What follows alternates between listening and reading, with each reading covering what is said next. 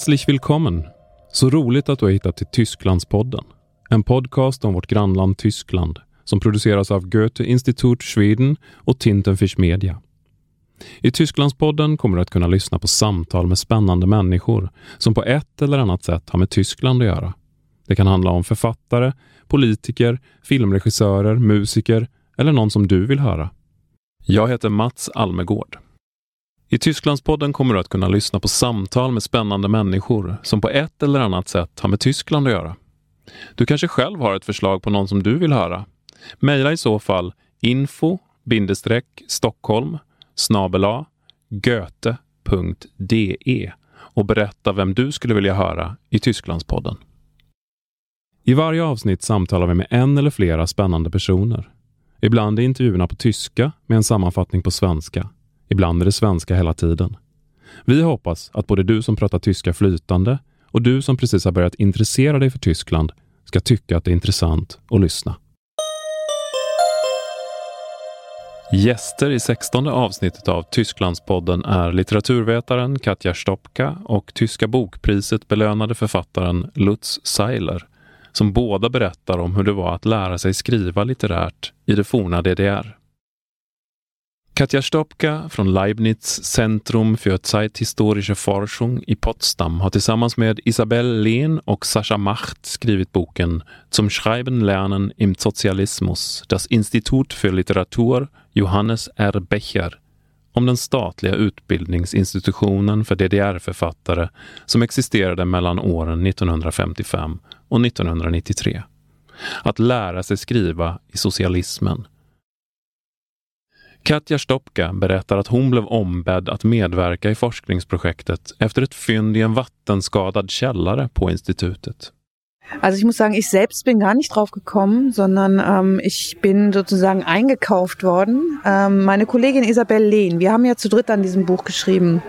Die hat damals mit dem, ähm, mit dem ähm, Hans-Ulrich Treichel, auch ein Autor, der am, am Deutschen Literaturinstitut äh, lehrt oder gelehrt hat, der ist mittlerweile emeritiert, ähm, die sind auf die Idee gekommen, äh, äh, die Geschichte über dieses Institut zu schreiben, nicht zuletzt, weil es auch schon gewissermaßen als Vorgängerinstitut verstanden wurde.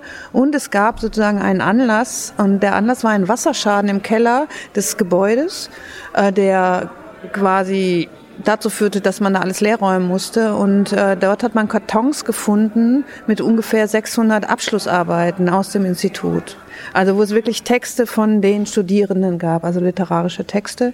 Und ähm, daraus ist dann die Idee geboren worden, Mensch, jetzt haben wir eine super gute Grundlage und gutes Material, um über, über dieses Institut auch aus literarischer Perspektive zu schreiben. Nicht nur aus kulturpolitischer, sondern uns tatsächlich auch die Texte anzugucken ähm, und mit den Texten zu arbeiten und aus den Texten die Geschichte auch zu erschließen dieses Instituts. När de röjde upp i den vattenskadade källaren på Johannes R. Becher institut så hittade de kartonger med 600 examensarbeten.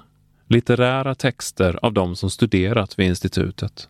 Det var såklart ett fantastiskt material att sätta tänderna i för forskarna. Men själv har hon inte läst alla. Äh, ja, nicht ganz so. Also es ist tatsächlich so, wir haben eine Datenbank ähm, erstellt, wo diese Texte äh, aufgenommen wurden, die Autoren, sie wurden verschlagwortet, es gab kleine Inhaltsangaben und es gab tatsächlich zwei äh, äh, Mitarbeiterinnen, die zunächst studentische Hilfskräfte waren und in der zweiten Antragsphase dann auch Mitarbeiterinnen, also auch besser bezahlt wurden, die haben wirklich jeden Text in der Hand gehabt, wirklich jeden, das muss man einfach sagen. Ähm, wir haben viele Texte in der Hand gehabt ähm, und haben uns zur abschließenden Schreibphase auch sehr stark an dieser Datenbank orientiert, indem wir über Schlagwörter versucht haben, dann bestimmte Texte in den Vordergrund zu, ähm, äh, zu, zu holen, weil man natürlich in so einem Buch auch nicht alle fünf oder 600 ähm, Arbeiten besprechen kann, sondern die auch nur exemplarisch vorstellen kann. Ähm, von daher, wir haben viel gelesen, aber alles haben unsere, unsere wissenschaftlichen Mitarbeiterinnen gelesen, die in dem Buch jetzt selber aber gar nicht, an dem Buch selber nicht mitgearbeitet haben, die die Kernearbeit geleistet haben. Författarna till boken hade hjälp av studenter som assisterade i arbetet med att läsa texterna från Johannes R. Becher-institutet. Alla texter lästes och så matades allt in i ett dataarkiv med uppslagsord så att det skulle gå att söka på en rad olika teman. Litteraturinstitutionen Johannes Erbicher öppnades alltså 1955. Men då hade det diskuterats rätt länge i DDR om att öppna ett liknande institut. Ich glaube schon sehr, sehr früh. Man, das ist so ein bisschen die Legendenbildung, weil man relativ wenige Unterlagen am Institut dazu gefunden hat. Es äh, gibt schon auch einige kleinere Arbeiten, die sich mit dieser Gründungsphase oder der Vorgründungsphase befasst haben. Die Idee war, glaube ich, schon relativ schnell da, also 48, 49, ähm, weil ja nicht zuletzt die Sowjetunion das große Vorbild war und dort gab es dieses berühmte Maxim Gorki Institut, ähm, und dass man sich ja auch als Vorbild genommen hat, um dann aber festzustellen, dass man davon abweichen muss, um das an die, den ganz kleinen Staat äh, der DDR irgendwie anzugleichen.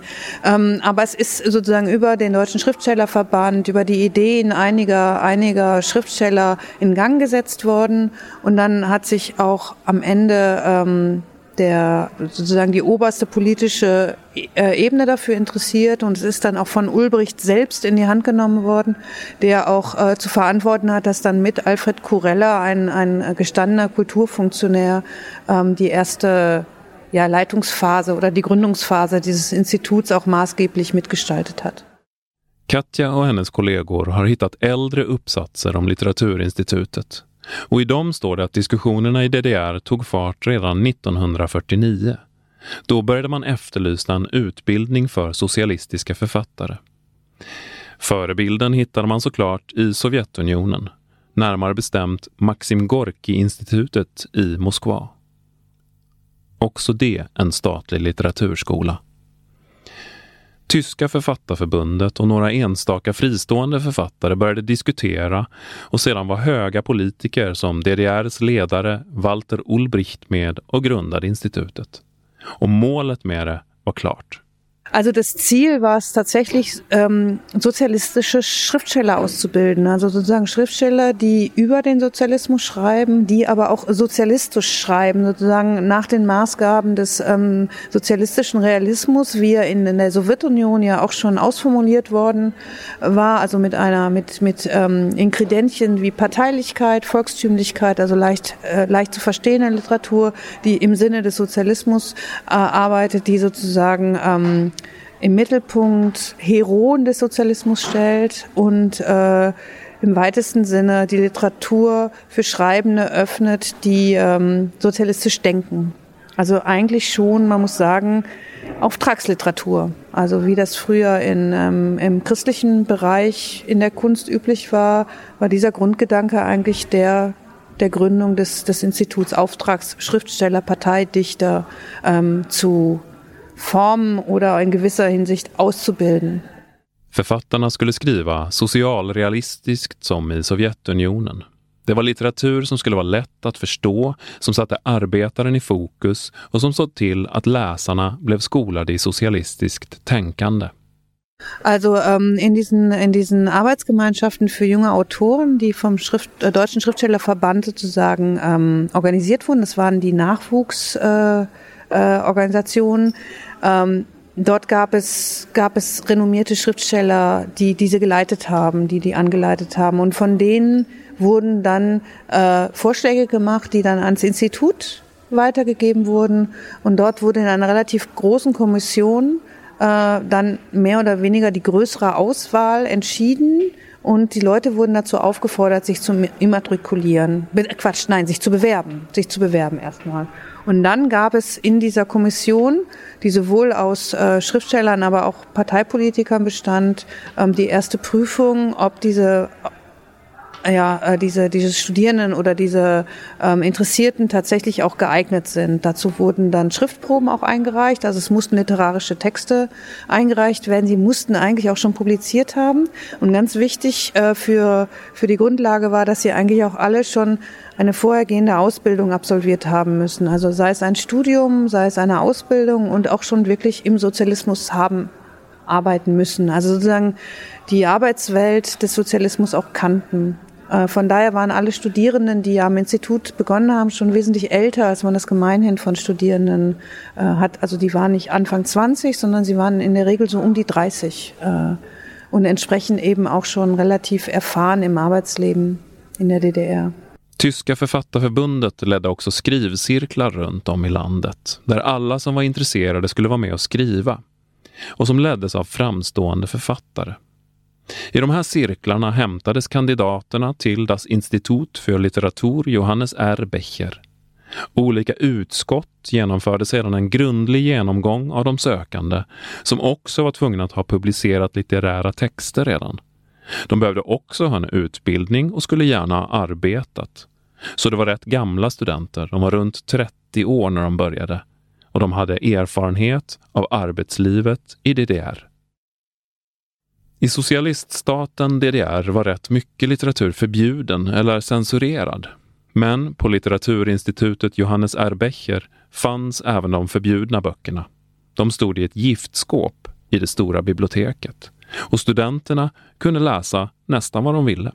Ja, genau. Sie hatten eine ganz tolle Bibliothek und diese Bibliothek ist auch von Anfang an, beziehungsweise es war auch ähm, Intention dieses Instituts, alles an Literatur zur Verfügung zu stellen, nicht nur an deutschsprachiger, sondern auch an internationaler, aber auch nicht nur an sowjetischer oder ähm, an Liter Literatur aus den, aus den sozialistischen Staaten, sondern man fand genauso einen Faulkner da und einen Hemingway, wie man einen Musil fand, also auch die Literatur, die als dekadent, als formalistisch verrufen war, wie man eigentlich nicht schreiben sollte in der DDR und wenn man so schrieb am Institut auch durchaus Schwierigkeiten bekommen konnte. Diese Literatur war aber in der Bibliothek vorhanden und man hatte jederzeit als Student und Studentin einen Zugriff und konnte diese Bücher lesen. Även litteratur som räknades som dekadent och västlig fanns alltså där. Katja Stopka tar Musil eller Hemingway och Faulkner som exempel. Som de författarna skulle studenterna inte skriva, men det var tillåtet att läsa deras böcker. Men givetvis hade Stasi några fingrar med i spelet. Ähm, sagen wir mal so, das Institut wurde von der Stasi überwacht äh, ab 1958, weil es dort dann diesen Akademiestatus bekam. Das war automatisch so. Jede Hochschule wurde ähm, von Seiten der Stasi überwacht. Aber sie konnten nicht alle Schritte überwachen. Also sozusagen die Leseprozesse der einzelnen Studierenden konnten nicht überwacht werden. Und ähm, diese Beobachtung war eigentlich, so haben wir aus unseren Zeitzeugeninterviews erfahren, eigentlich allen klar, es war immer klar, wohl den meisten Studierenden, dass sie unter Beobachtung der Staatssicherheit standen und auf unterschiedliche Art und Weise damit umgegangen sind. Also entweder, dass sie es ignoriert haben, dass sie entweder in größeren Zusammenhängen nicht gesprochen haben, sondern wirklich nur in ganz äh, vertrauten Zirkeln, dass sie sich zum Teil auch darüber lustig gemacht haben. All das kam auch vor. Und ähm, die Direktion war natürlich die Entscheidungsträgerin, dann zu sagen, welche dieser Aussagen von den äh, Spitzeln nehmen wir jetzt ernst und welche nicht. Und auch das hing wieder von der politischen Gesamtsituation ab, ob man welche ernster nehmen sollte oder nicht. Es gab Beispiele, ähm, wo es tatsächlich bis in die höchsten Ministerien ähm, ging, also dass es Vorfälle mit Studierenden gab, die aber dann am Ende doch zugunsten der Studierenden ausgefallen sind, wie aber auch gerade in den 60er Jahren zu vielen, vielen Exmatrikulationen führten, die in erster Linie nicht aus vermeintlich politischen Gründen ausgesprochen wurden, aber subkutan, also unterm Strich natürlich politische ähm, Entlassungen aus dem Studium waren. Vad varje student läste kanske inte gick att kontrollera. Men alla visste att Stasi hade övervakare på institutet. En del studenter brydde sig inte, eller så slöt de sig i mindre grupper för att kunna diskutera fritt. En del Stasi-spioner togs heller inte riktigt på allvar, men många studenter fick hoppa av eller blev uteslutna på grund av sina politiska åsikter. Trots detta var Johannes Erbecher-institutet banbrytande. Det bröt nämligen med en tysk idé om att författare är genier och det har bildat skola för utbildningsanstalter även i vår tid. Genau, ja, also im deutschsprachigen Raum, da kommt ja gewisser Hinsicht ähm, ja die äh, Vorstellung her, dass es Genies gibt und dass Genies geboren werden und mit einem Talent ähm, auf die Welt kommen, was sie haben und in die Welt tragen ähm, und eben Literatur nicht zu erlernen ist, sondern man sie entweder mit in die Wiege gelegt bekommen hat oder eben nicht. Und eines der größten Beispiele ist halt Goethe selbst, der ja diesen Geniegedanken durchaus auch mit äh, selbst vorange, äh, ähm, also angeschoben hat und sich damit befasst hat und er selber ja als ein solcher auch galt. Deswegen tat man sich in Deutschland und tut man sich, muss man auch sagen, immer noch sehr, sehr schwer, ähm, ähm, äh, sich vorzustellen, dass man schreiben lernen kann. Also ganz im Unterschied zum Beispiel bei Kunsthochschulen und Theaterhochschulen wurde das nie in Frage gestellt, aber bei Literatur wird es auch heute noch in Frage gestellt und auch die heutigen Literaturschulen, die es mittlerweile gibt und wo man sagen muss, sie sind nicht zuletzt äh, entstanden, weil das Becher-Institut abgewickelt wurde. Also die erste, die dann 93 nach Abwicklung dieses Becher-Instituts, die wirklich die allererste Schreibschule, akademische Schreibschule im deutschsprachigen Raum war und ganz lange Zeit eben auch geblieben ist. Und erst mit dieser Abwicklung hat man ein Bewusstsein dafür entlang, erlangt, dass es auch sinnvoll sein kann, so eine, so eine ähm, Institutionen auch einzurichten und, und ähm, Literatur auch akademisch zu unterstützen oder das, das Schreiben, wie es ja im angloamerikanischen Raum ganz selbstverständlich ist. Und äh, ähm, von daher ist das Institut das Becher-Institut eigentlich lange, lange Zeit die einzige Hochschule gewesen, im Sinne des Sozialismus zwar, aber ihr hat man es auch zu verdanken, dass sich im deutschsprachigen Raum das geöffnet hat und dass es jetzt eigentlich in jedem deutschsprachigen Land Schreibschulen gibt, also akademische, sowohl in der Schweiz als auch in Österreich. Es gibt mindestens zwei in Deutschland, also das Leipziger Institut und in Hildesheim gibt es noch eine Institution und an der Universität der Künste in Berlin gibt es mittlerweile auch einen Studiengang ähm, für literarisches oder auch Journalismus journalistisches Schreiben. Und von daher kann man schon sagen, dass ähm, die Grundlage des Becher-Institut war. Und man hat sich halt auch angeschaut, wie dort äh, die Curricula verlaufen sind. Und das wollten wir auch mit dem Buch ein wenig äh, noch in die, ähm, in die Öffentlichkeit tragen, dass sich so die Art und Weise des Lernens gar nicht so sehr unterscheidet, ob das jetzt nun in einem, ich sage jetzt mal, äh, demokratischen oder diktatorischen Land stattfindet, weil die Prozesse sehr, sehr ähnlich sind, weil es halt individuelle Auseinandersetzungen mit dem Schreiben und mit der eigenen, ähm, Liter, also mit der eigenen Kreativität und dergleichen sind. Und die ist, glaube ich, politisch weitestgehend auch unabhängig zu betrachten. Katja Stopka säger att den tyska föreställningen om att vara författare tidigare alltid haft med en genitanke att göra. Som Goethe exempelvis, som utvecklade en genikult för sig själv och för andra som skrev. I Tyskland tycker fortfarande många, menar Katja Stopka, att det inte går att lära sig att skriva. Att vara författare är snarare någonting man föds till. Men Das Institut för litteratur Johannes R. Becher var inte överens med den tanken. Det blev istället ett banbrytande institut för hur man ser på utbildningen av författare i tyskspråkiga länder som Schweiz, Österrike och Tyskland. En författare som lärde sig skriva under DDR-tiden var Lutz Seiler. Idag är han prisbelönt och har publicerat både diktsamlingar och emottagit tyska bokpriset för sin roman Crusoe, som också är översatt till svenska. Men när han var ung läste han nästan inte alls. Det var när han gjorde sin värnplikt i DDRs armé 1983 som han började intressera sig för litteratur och läsning. Och snabbt därefter började han också skriva. Lutz war då värnpliktig soldat i ett kompani som byggde attrapper. Mm, ja, okay. Ich war in so einer Einheit, also die äh, sich vor allem mit dem Bau von Attrappen ähm, beschäftigt hat bei der Armee. Das war übrigens eine äh, in dem, im Warschauer Pakt etablierte Strategie. Noch die Serben haben im Kampf gegen die Amerikaner bzw. die NATO äh, Wagenräder und Bögenstämme äh, als äh, Kanonenattrappen benutzt. Und es gab dann Pressekonferenzen, in denen sich die Amerikaner fragen lassen mussten, wieso sie auf Wagenräder und äh, Kiefernstämme äh, mit ihrer teuren äh, Munition schießen. Aber die, das war eben so eine Strategie, die es im Warschauer Pakt gab. Und wir waren so ein Pionierbaubataillon, das auch äh, gelernt hat, Attrappen zu bauen. Also Attrappen von Panzern oder auch einer Panzerpontonbrücke. Also etwas, das so aussah, als wäre das ein Panzer ähm, in diesem kleinen Bildschirm der Tornados, die über uns hinweg sausen würden, wenn es denn jemals zu diesem Krieg gekommen wäre. Lutz Seiler berättar att hans kompani byggde attrapper som skulle se ut som pansarvagnar, kanoner och broar. Detta för att avskräcka NATO-styrkorna och som skulle se ut som att DDRs armé var mycket större än vad den egentligen var om det någonsin skulle bli krig mellan Warszawapakten och NATO-länderna. Attrapperna byggdes på dagtid. På kvällarna hade soldaterna ledigt på kompaniet och Lutz Seiler och de andra soldaterna ägnade sig då åt finsnickeri. Wir hatten abends dann Freizeit und dann saßen wir da in dieser Stube und alle meine Kameraden, meine Sol Mitsoldaten haben eben dann irgendwelche Handwerksarbeiten gemacht, vor allem solch äh, Erlaubsägearbeiten, also haben eben so ähm, äh, folkloristische Szenen aus dem Holz ausgeschnitten und das wurden dann Kandelaber, Kerzenhalter oder auch Schwibbögen, die thüringischen Schwibbögen, wie sie dann Weihnachten eben im Fenster stehen. Das wurde dort massenweise gesägt, jeden Abend bis spät abends, bis Nachtruhe war und dann nach Hause geschickt. Und ich auch, ich habe auch, ich glaube, ich habe sogar einen dieser Kerzenhalter fertig bekommen.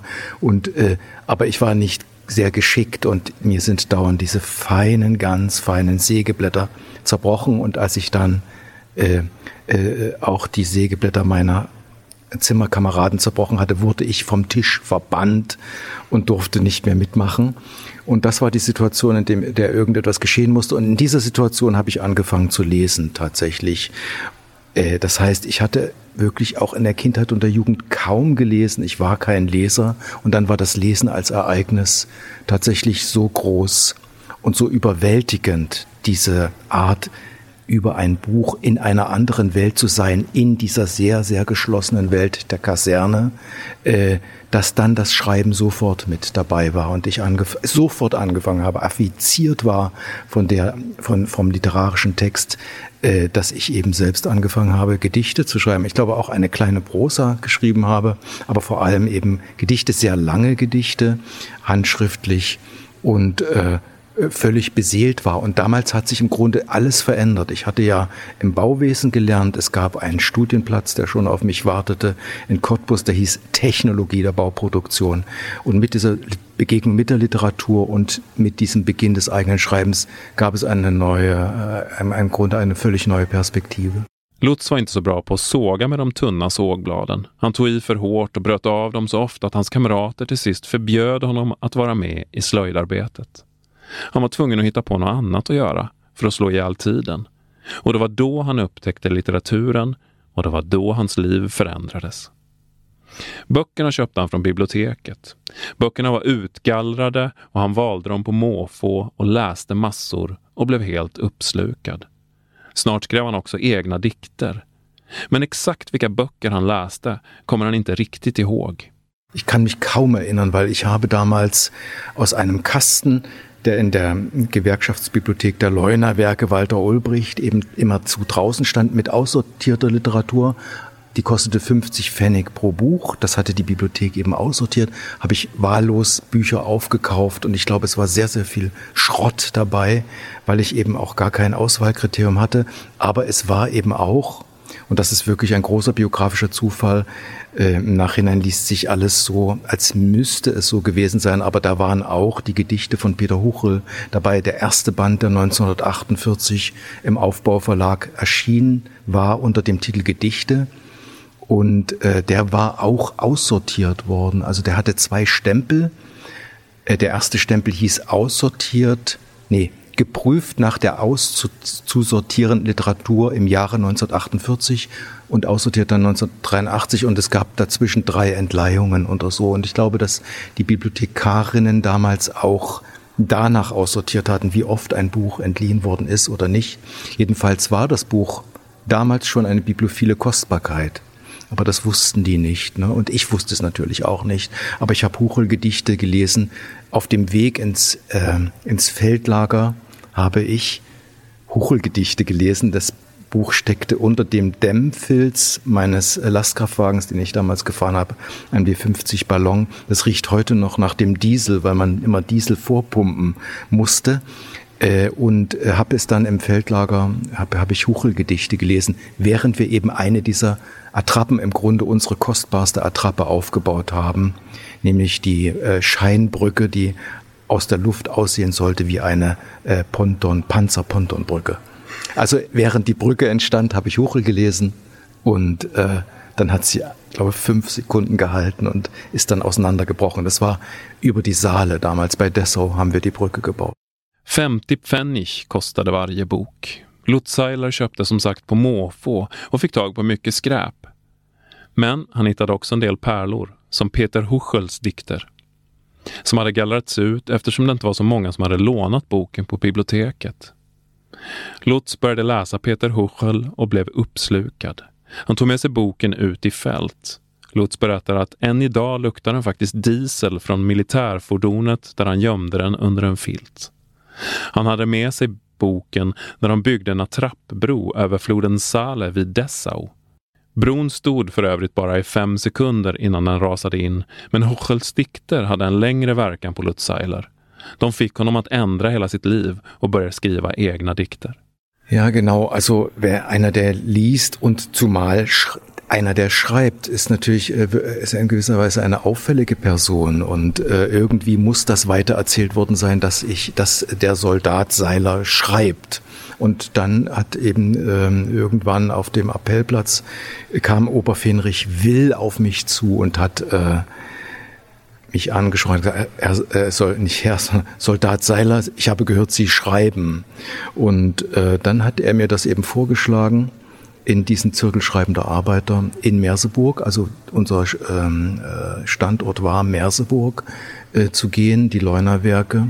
Das, es war im Clubhaus der Leunerwerke, die Bibliothek war im Keller und äh, schon aufgrund dessen, dass das eben mit Sonderausgang verbunden war, also es war für mich eine Möglichkeit, aller 14 Tage aus der Kaserne rauszukommen. Und zwar schon, ich glaube schon 15 Uhr oder 16 Uhr. Das war total ungewöhnlich, weil Ausgang gab es erst ab 18 Uhr, wenn man überhaupt Ausgang bekommen hat. Und dann hatte ich dann konnte ich beim äh, Unteroffizier vom Dienst immer die Sonderausgangskarte abholen. Die lag dann dort alle 14 Tage für mich bereit und musste, glaube ich, 21 Uhr wieder in der Kaserne sein. Das heißt, ich bin zum Zirkel gegangen, habe meine Gedichte vorgelesen. Natürlich war man nicht immer dran, aber auch die anderen waren dran und man hat dann über diese Texte geredet. Das äh, wechselte natürlich ab, aber danach hatte ich immer noch Zeit, in den äh, Weißenfelser Hof zu gehen. Hieß er eigentlich Weißenfelser Hof, ich weiß gar nicht, oder Merseburger Hof in der Nähe vom Bahnhof und Bauernfrühstück zu essen und ein Bier zu trinken. Und dann bin ich wieder in die Kaserne. Es war wunderbar. Alle 14 Tage kriegst du einen extra Ausgang. Das war für mich naiven, völlig naiven Autor dieser Anfangszeit beinahe das Schönste daran.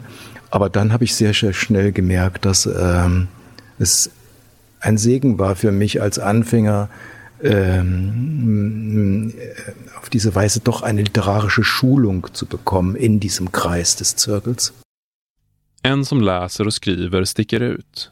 Ryktet spred sig snabbt på kasernen och en dag kom en officer fram till Lutz Seiler och sa Soldat Seiler, jag har hört att ni skriver. Därefter föreslog han att Lutz skulle gå med i en skrivarcirkel och börja skriva på allvar. Varannan vecka fick han frisedel och kunde åka in till stan för att vara med i litteraturcirkeln och läsa sina dikter och få kritik på det han framfört. Sen kunde han gå och äta något och dricka en öl. Det var helt fantastiskt. Både att få ledigt och att få kritik på det han skrev. Det var hans litterära utbildning. Die waren natürlich alle viel erfahrener als ich. Die hatten alle schon ein, ein literarisches Wissen. Ne? Die hatten gelesen. Die hatten einen Kanon ähm, und ähm, es, es ist ein bisschen so gewesen, dass äh, in den 80er Jahren vielleicht überhaupt, dass es tatsächlich nicht mehr unbedingt wirkliche Arbeiter waren, sondern oftmals Angestellte oder ähm, Leute, die aus der ähm, äh, Verwaltung kamen, also Leute, die schon eine gewisse Intellektualität mitbrachten äh, in den Zirkel oder Lehrer oder äh, also es, es waren schon, äh, man kann schon sagen, dass also äh, ein, ein Arbeiter vom Schlage Hilbichs war nicht darunter. Und das war aber, glaube ich, typisch für diese späten Zirkel, als es gar nicht mehr, als diese Anfänge, Bitterfelder Weg, greift zur Feder, Kumpel und so weiter. Also die, diese ursprüngliche Vorstellung vom Arbeiter, der selbst schreibt, noch sehr virulent war, das hatte sich eigentlich längst verloren. Aber es gab noch die Institution dieser Zirkel. De andra som var med i litteraturcirkeln hade läst mycket fler böcker än Lutz. De hade en kanon över böcker som man borde läsa. De var inte arbetare som gripit pennan för att redogöra för jobbet i fabriken som det officiella litteraturprogrammet i DDR förespråkade utan snarare tjänstemän och intellektuella. Det blev en utmärkt utbildning för någon som aldrig tidigare intresserat sig för litteratur. Och liknande litteraturcirklar fanns runt om i hela DDR. Ich glaube schon, dass es eine, es gab eine weit verbreitete Struktur mit einer eigenen Zeitschrift, die hieß Ich schreibe oder so ähnlich. Und, äh, äh, und es gab, glaube ich, äh, Gedichtabdrucke in den Werkszeitungen auch. Det fanns alltså en tidskrift som hette Jag skriver och fackförbundens tidningar tryckte dikter. Det här var ett sätt för DDR-staten att understödja rätt sorts litteratur. Och så här i efterhand är det bara att tacka för att Lutz Seiler inte kunde hantera de där sågarna och göra finsnickerier. Annars hade vi kanske aldrig fått läsa Crusoe eller någon av hans fantastiska dikter. Och med de orden är det slut för den här gången. Tysklandspodden produceras av mig, Mats Almegård på Tintenfisch Media för Goethe Institut Schweden. Ljudproducent är Andreas Tilliander. Vi hörs snart igen. Auf Wiederhören!